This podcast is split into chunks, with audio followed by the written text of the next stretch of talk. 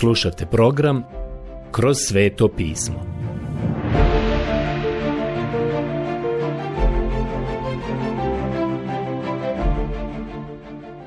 Knjiga Postanak. Odlomak Postanak poglavlje 12 od 13. stiha do poglavlja 14 11. stiha. Ako imate svoju Bibliju, otvorite zajedno sa nama 12. poglavlje knjige Postanka. Počet ćemo danas sa 13. stihom. Gledamo Abrahama, a on će biti tema kroz čitavu Bibliju. O Abrahamu se vjerovatno govori više nego bilo o kome drugom u Svetom pismu.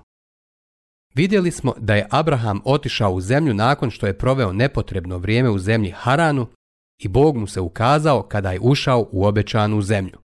On ipak nije ostao tamo, iako je prošao različite zemlje, mogao je uporediti i vidio je da je to dobra zemlja. Prijatelji, bila je mnogo bolja i plodnija nego što je to danas. Volio bih da to znate jer danas mnogi ljudi ne mogu razumjeti kako se ta zemlja mogla nazvati zemljom mlijeka i meda. To ćemo malo bolje vidjeti kada dođemo do knjige Ponovljeni zakon, jer tamo se nalazi objašnjenje šta se u međuvremenu dogodilo sa tom zemljom. Ali u to vrijeme bila je to veličanstvena zemlja. Abrahamov pad u vjeri. Došla je glad i ovaj čovjek Abraham je otišao u Egipat i shvatio je da će se naći u teškoćama zbog ljepote svoje žene. Čitamo ovdje u 12. stihu. A kad nastade glad u zemlji, siđe Abram u Egipat da se tamo za koje vrijeme skloni, jer je glad teško pritiskivala zemlju. Kad se približi Egiptu, reče Saraj svojoj ženi. Znam dobro da si lijepa žena, i kad te vide Egipćani, pomislit će, to mu je žena i mene će ubiti, a tebe ostaviti na životu. Reci jednostavno da si mi sestra, da mi zbog tebe bude dobro i da zbog tebe ostanem na životu. Postanak 12, do 13. Reci jednostavno da si mi sestra. Usput rečeno, bila je napola laž. Napola laž je ponekad gora od potpune laži. A ovaj put je to svakako bilo zavaravanje. Abram je rekao svojoj ženi, reci jednostavno da si mi sestra, da mi zbog tebe bude dobro i da zbog tebe ostanem na životu. Potvrđeni svici sa mrtvog mora Kao što mnogi od vas već znaju, ljudi su pronašli ono što je poznato kao svici s mrtvog mora. Pronađeni su u Kumranu uz mrtvo more u tamošnjim pećinama. Jedan set svitaka koji su pronašli nisu mogli odmotati jer je bio tako krhak. Bio je tako dugo zamotan i bojali su se da će se ta koža samo raspasti. Mogli su vidjeti jedno ime, Lamek, pa su ga nazvali dijelom Lamekove knjige i rekli da je ovo jedna od apokrifnih knjiga Biblije. Čovječe kako su samo pogriješili. Država Izrael je kupila taj svitak i u tamošnjem muzeju počeli su ga vlažiti i omekšavati i uspjeli su ga odmotati. Ono što su otkrili bilo je da je to bilo 12., 13., 14. i 15. poglavlje knjige Postanka. Nije bilo teksta koji mi proučavamo, već njegova interpretacija. A ovdje u 12. poglavlju u tom dijelu se govori o sarajnoj ljepoti, zapravo opisuju se njene karakteristike i govori o tome kako je bila lijepa. Mislim da to samo potvrđuje ono što je riječ Božja rekla. Faraon ju je svakako poželio. A onda kada dođete do 13. poglavlja, Bog je rekao Abramu da prođe obećanom zemljom uzduž i poprijeko. I ovaj tekst daje Abrahamov izvještaj o njegovom putovanju u prvom licu. Veoma je zanimljivo da to nije sveto pismo, već samo potvrđuje sveto pismo. I također potvrđuje činjenicu da je ta zemlja bila baš onakva kakva je Bog rekao da jeste. Očigledno bi svako ko je vidio u ono vrijeme mogao to otkriti. Da li je Abram ikada dao opis obećane zemlje iz prve ruke, ja to ne znam. Ali riječ Božja ne govori o tome. Bog je govorio o toj zemlji i to bi nam trebalo biti dovoljno. Susret sa faraonom I kad dođe Abram u Egipat, vidješe Egipćani da je žena vrlo lijepa. Vidješe je i dvorani faraonovi i hvališe je pred faraonom. I bi žena dovedena u dvor faraonov. I on je činio dobro Abramu zbog nje. Dobio je ovaca, goveda, magaraca, slugu i sluškinja, magarica i deva. Ali gospodin pusti teška zla na faraona i na njegov dom zbog Saraje, Abramove žene. Postanak 12, Sjetite se susreta koji je imao dole u egipatskoj zemlji. Stvar je bila u tome da je faraon uzeo Saru i kao što dobro znate, tog dana su morali proći kroz period pripreme da ona postane žena vladara. Možete više o tome pronaći u knjizi o Esteri. Tokom tog razdoblja Bog se ukazao faraonu i rekao Nemoj uzeti tu ženu, to je žena drugog muškarca. Čitamo sada 18. stih 12. poglavlja. Tada dozva faraon Abrama i upita Što si mi to učinio? Zašto si mi tajio da ti je žena? Zašto si kazao da ti je sestra, te je ja uzeh sebi za ženu, a sada, eto ti žena tvoja, uzmi je i idi. I zapovijedi faraon ljudima za nj, neka isprate njega, njegovu ženu i sve što god je imao. Postanak 12, 18 do 20. Dakle, Bog je nadmoćan, ali Bog mu se nije javljao i ukazivao u egipatskoj zemlji. 13. poglavlje razdvajanje Abrama i Lota. Ovdje u 13. poglavlju vidimo povratak Abrama iz egipatske zemlje. Dakle, ono što imamo u ovom poglavlju jeste da Abram i Lot napuštaju Egipat i vraćaju se u obećanu zemlju. A zatim se Lot odvaja od Abrama i odlazi u Sodom. I šta se onda dogodilo? Pa, Bog se ukazao Abrahamu po treći put. Sve dok je bio u egipatskoj zemlji i dok je još imao Lota uz sebe, Bog mu se nije javljao. Onog trenutka kada se vratio u obećanu zemlju i kada se odvojio od Lota, Bog mu se javio. Sada ću početi čitati 13. poglavlje, prvi i drugi stih. Tako ode Abram iz Egipta prema Negebu, on i njegova žena i sve što god je imao i Lot s njim. Nemojte propustiti ovaj sljedeći stih drugi stih u 13. poglavlju knjige Postanka. A bio je Abram vrlo bogat stokom, srebrom i zlatom. Ponavljam, Abram je bio Rockefeller tog doba. On je u to vrijeme bio veoma bogat čovjek. Iz Negeba pođe od mjesta do mjesta sve do Betela. To znači da je otišao daleko na sjever od Jeruzalema. Do mjesta gdje mu je prije bio šator, između Betela i Aja. Abram je poslije došao na jug u okolinu Hebrona ali sada ide sjeverno od Jerusalema u Betel, do mjesta gdje je prije bio načinio žrtvenik. Tu prizva Abram ime gospodnje. Abram je čovjek koji lako može da se spotakne i padne, ali ipak se vraća Bogu. Kako je divno imati Boga kome se možemo vratiti. A i Lot koji je išao sa Abramom imao je ovaca, goveda i šatora. Postanak 12, 3 do 5. I Lot je također dobro prošao u egipatskoj zemlji. Zato im nije bilo dosta zemlje da ostanu zajedno, jer je njihovo blago bilo tako veliko da nisu mogli ostati zajedno. I nasta svađa među pastirima Abramova stada i pastirima Lotova stada, a osim toga su tada u zemlji prebivali još i Kananci i Perižani. Postanak 13.6-7 Želim vam reći Božju riječ, koja je divna riječ samo ako joj dopustite da vam govori. Molim vas da zapazite sljedeće. Abram je zapravo dobio dvije stvari u egipatskoj zemlji koje su u njemu izazvale neizrecivu tugu. Jedna je bila bogatstvo, druga je bila mala egipatska služavka po imenu Hagara. Vidjet ćemo više o njoj malo kasnije. Ali ovdje je stekao bogatstvo i zbog toga su se on i Lot morali razdvojiti. Između njih je postojao razdor. A onda zapazite sljedeću izjavu. Da Kananci i Perižani žive u zemlji. Veoma je interesantno to što su se Abramovi i Lotovi pastiri svađali. A ovdje dolazimo i do toga da se i Abram i Lot ne slažu. A onda Kananac šapne Perižaninu i kaže, pogledaj ih, ha? Opet se svađaju.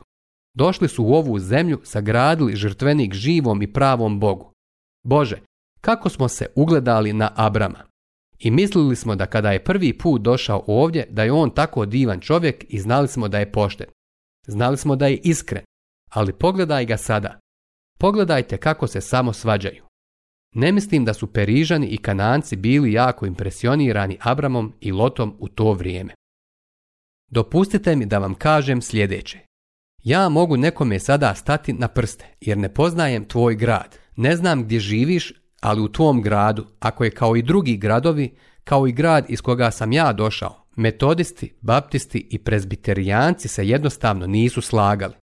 I svađali su se međusobno. I danas ponekad u crkvi postoje te unutrašnje svađe, a nespašeni ljudi izvan crkve oni to znaju. Oni kada to vide vjerovatno kažu, ako je to kršćanstvo, ja ne želim ništa od toga. Mogu se svađati i u ovom svijetu, ne moram se pridružiti crkvi da bih imao sukobe. Gospod Isus danas kaže svojoj crkvi. Po tome će svi ljudi spoznati da ste moji učenici ako ste temeljni i ako organizujete crkvu. O ne, rekao je. Po tom će svi spoznati da ste moji učenici ako ljubite jedni druge. Evanđelje po Ivanu 13.35 Prijatelji, Perižani i Kananci te stare barabe Znaju kada se vi svađate. To je razlog zašto jedan moj tetak nikada nije došao u gospodu. Moja tetka je plakala i govorila. On neće da sluša. Pa znate zašto? S njom je živjela sestra, još jedna moja tetka. Otišao bih tamo ponekad nedjeljom na večeru. Znate šta bismo večera? Pečenog propovjednika. Jedna od mojih tetki je išla u metodističku crkvu, a druga je išla u prezbiterijansku crkvu kako su samo njih dvije pokušavale nadmašiti jedna drugu, pričajući o propovjedniku i svađama koje su se događale. Nekad sam gledao svog tetka, samo bi sjedio i jeo. Kada bi ustao, otišao bi to nedjeljno popodne u svoj klub. Navečer bi se vratio kući, ne bi bio pijan, ali bi sigurno popio nekoliko pića. Mogu vam reći da ga njih dvije nikada nisu zadobile za Krista. Prijatelju moj, i danas ima mnogo ljudi koji nisu zadobijeni za Krista zbog svađa koje postoje unutar crkve. Veoma je zanimljivo to što smo pročitali ovdje. A osim toga su tada u zemlji prebivali još i Kananci i Perižani. Oni još uvijek žive u zemlji i usput rečeno, oni su u blizini tvoje crkve. Zapazite sada šta piše u knjizi Postanka 13, 8 do 9. Zato reče Abram Lotu, neka ne bude svađe između mene i tebe. Sada je Abram onaj koji inicira podjelu. Abram je veliki čovjek. Poslušajte šta ima da kaže. Između mojih i tvojih pastira, jer smo braća, nije li sva zemlja pred tobom? Odijeli se radi od mene. Ako ćeš ti nalijevo, ja idem nadesno. Ako li ćeš ti nadesno, ja idem nalijevo. Trebalo je biti veliki čovjek da se tako nešto moglo reći. Drugim riječima, Lot je mogao birati šta god želi, a Abram bi uzeo ono što je preostalo. Čitamo od 10. do 12. stiha. I Lot podiže svoje oči i vidje da je sav kraj na Jordanu posve natopljen. Gospodin naime nije bio još zatro Sodomu i Gomoru. Kao vrt gospodnji, kao zemlja egipatska sve do Soara. To je bilo prekrasno mjesto tih dana. I Lot izabra sebi sav kraj na Jordanu. Potom Lot ode na istok i razdijeliše se jedan od drugoga. Abram je ostao u zemlji Kananskoj. Lot se je nastanio u mjestima kraja na Jordanu i razapeo svoje šatore sve do Sodome. To je interesantno. Sve dane dok je bio s Abramom u toj zemlji, Lot bi vjerovatno noću samo otvorio zastor na svom šatoru, pogledao napolje i rekao Gospođo Lot, nije li to lijepo mjesto tamo dole? Ujutro bi ustao i rekao Bože, tako privlačno izgleda dole. Na drugom pašnjaku trava uvijek izgleda kao da je zelenija. A kada je došao dan da je mogao napraviti odluku i zabrati gdje će otići, znate u kom smjeru je krenuo. Nijedan čovjek ne pada odjednom i iznenada. Uvijek se to odvija u određenom vremenskom razdoblju. Počinjete podizati zastor na svom šatoru, gledati u tom pravcu i onda polako premještati svoj šator prema Sodomi. To je početak. Lot je podigao oči i vidio je ravnicu i plodnu zemlju i krenuo je u tom smjeru. To je najveća greška koju je napravio u životu, ali u tom trenutku on to nije znao. Čitamo stih 13. A ljudi u Sodomi bili su nevaljali i ogriješili su se veoma pred gospodinom. Vidjet ćemo kasnije šta se dogodilo sa Lotom i sa gospođom Lot i sa njihovom porodicom dole u Sodomi. Bog potvrđuje obećanje dato Abramu. Čitamo sada stihove 14 i 15. A gospodin reče Abramu, pošto se bio Lot odijelio od njega. Evo trećeg Božijeg ukazanja ovom čovjeku. Podigni svoje oči i pogledaj s mjesta gdje stojiš prema sjeveru, jugu, istoku i zapadu. Jer svu zemlju što je vidiš daću tebi i tvojem potomstvu zauvijek. To je zemlja koju će mu Bog dati. Sada, kada mu se Bog nastavio ukazivati, a kasnije i ostalim patrijarcima, Bog polako postavljao ogradu oko te zemlje.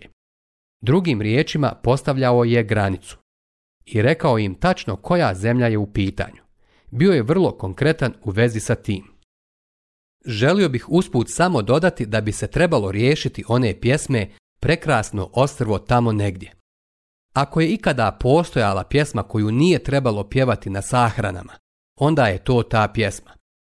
Možete li zamisliti Abrahama koji gleda prema sjeveru, istoku, jugu i zapadu i pjeva tu pjesmu? Prekrasno ostrvo tamo negdje dok je stajao tačno usred obećane zemlje. Prijatelji, mogu vam reći da je nebo pravo mjesto, a ne neko prekrasno ostrvo koje se nalazi tamo negdje. To je vrlo određeno mjesto. Riječ Božja je prilično specifična. Neki od vas ste prošli zajedno s nama kroz knjigu otkrivenja i znate da ju je zapravo Bog učinio tako specifično, da je postavio granicu oko nje i mi možemo znati nešto o tome. Bog se ne bavi teoretisanjem, nego onim što je realno i stvarno. Bog kaže sljedeće. I učinit ću da tvog potomstva bude kao praha na zemlji. Ako tko mogne izbrojiti prah na zemlji, moći će tada izbrojiti i tvoje potomstvo. Postanak 13.16 Sada ćete primijetiti šta je Bog učinio za ovog čovjeka. Sada označava zemlju i kaže mu da se on nalazi u njoj. On također ponovo potvrđuje činjenicu da će imati ogromno potomstvo, koje je na kraju i dobio. Zatim kaže sljedeće u stihu 17. Ustani i zauzmi zemlju u dužinu i u širinu, jer ću je dati tebi. Veoma je interesantno da su onaj svitak koji smo pominjali ranije sa obale mrtvog mora zvali Lamekova knjiga, a to uopšte nije bilo tako. On zapravo opisuje baš ovaj određeni dio knjige postanka, a ovdje se kaže da je Abraham trebao hodati zemljom uzduž i poprijeko, a taj svitak nam donosi izvještaj o tome u prvom licu jednine, kao da nas je Abraham sam izvijestio o tome kako je prošao prolazeći po toj zemlji. To je izvještaj o tome kako je izgledala. Bila je to predivna zemlja u to vrijeme. A sada ćemo pročitati stih 18. I Abram diže svoje šatore i nastani se uz hrastove mamre što su kod Hebrona. Tu podiže gospodinu žrtvenik. Vidimo ponovo Abrama da pravi žrtvenik ili oltar. On je pravi graditelj oltara. Po tome se uvijek moglo reći gdje je on bio. Ostavio bi svjedočanstvo. Ljudi su ostavili trag na mjesecu. Gore su ostavili zastavu i malu poruku. Došli smo u miru. Ali nisu ostavili Bibliju, riječ Božju. To i onako ne bi bilo od nekog značaja, ali otkriva razliku koja postoji u načinu razmišljanja u ovom razdoblju u kome danas živimo. Za Abrahama je bila važna stvar da podigne oltar gospodu i on je upravo to i uradio. Mamre znači bogatstvo, a Hebron znači zajedništvo. To je divno mjesto za život. Mislim da možete locirati to drvo gdje je bio Abraham, kao i bunar koji se tamo nalazi. Bio sam tamo. To je prilično zanimljivo mjesto između Hebrona i Mamre, a tu je stanovao Abraham. To je dobro mjesto kada se nalazite tamo gdje je bogatstvo i gdje je zajedništvo sa Bogom, a to je bio Abrahamov dom. Tu je on sahranjen to je mjesto na koje je želio otići.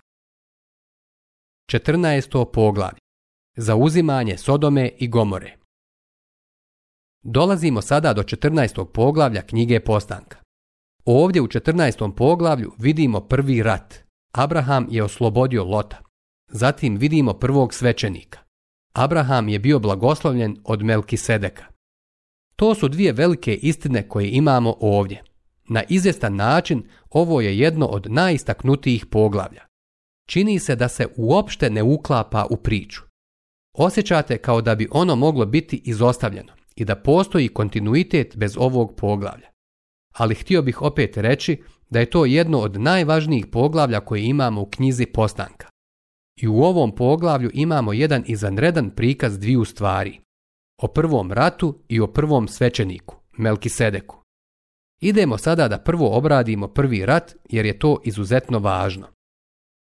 U vrijeme Amrafela, kralja Šinearskog, Arioka, kralja Elesarskog, Kedor Laomera, kralja Elamskog i Tidala, kralja Goimskog, dogodi se da se oni zaratiše s Berom, kraljem Sodomskim, s Biršom, kraljem Gomorskim, sa Šinabom, kraljem Ademskim, sa Šemeberom, kraljem Sebojimskim i s kraljem u Beli, to jest u Soaru.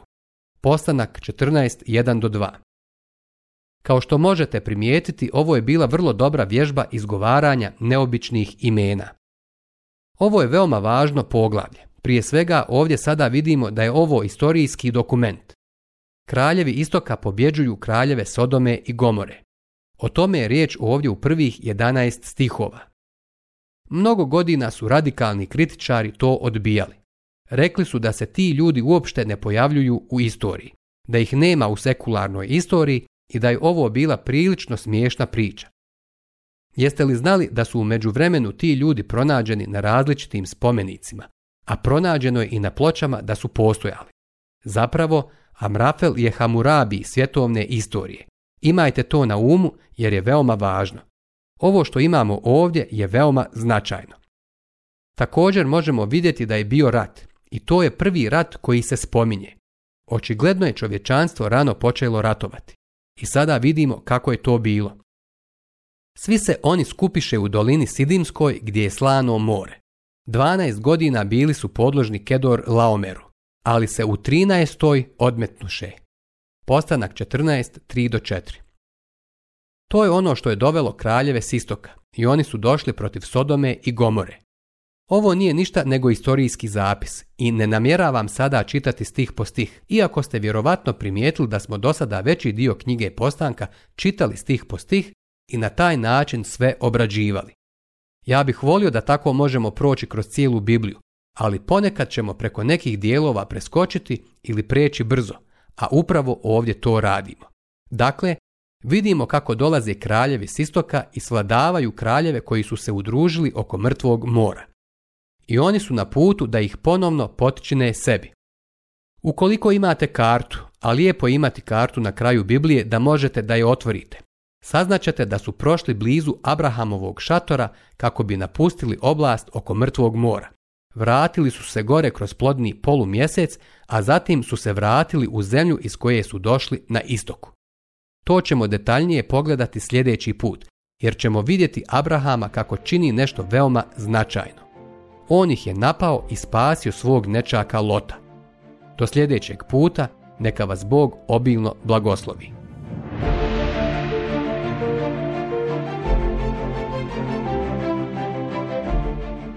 Slušali ste emisiju Kroz sveto pismo. Možete nas slušati i na našem YouTube kanalu putem mobilne aplikacije te na svim glavnim podcast platformama kao što su Google, Apple i Spotify. Ako vam se naši programi dopadaju, preporučite ih i podijelite s drugima. Budite slobodni da ostavite svoj komentar ili nam pišite na našu e-mail adresu kroz sveto at Zapratite našu stranicu kroz sveto pismo BiH na Facebooku i na Instagramu. Emisije iz ove serije možete pronaći na našoj stranici ttb.com te duplove r.org.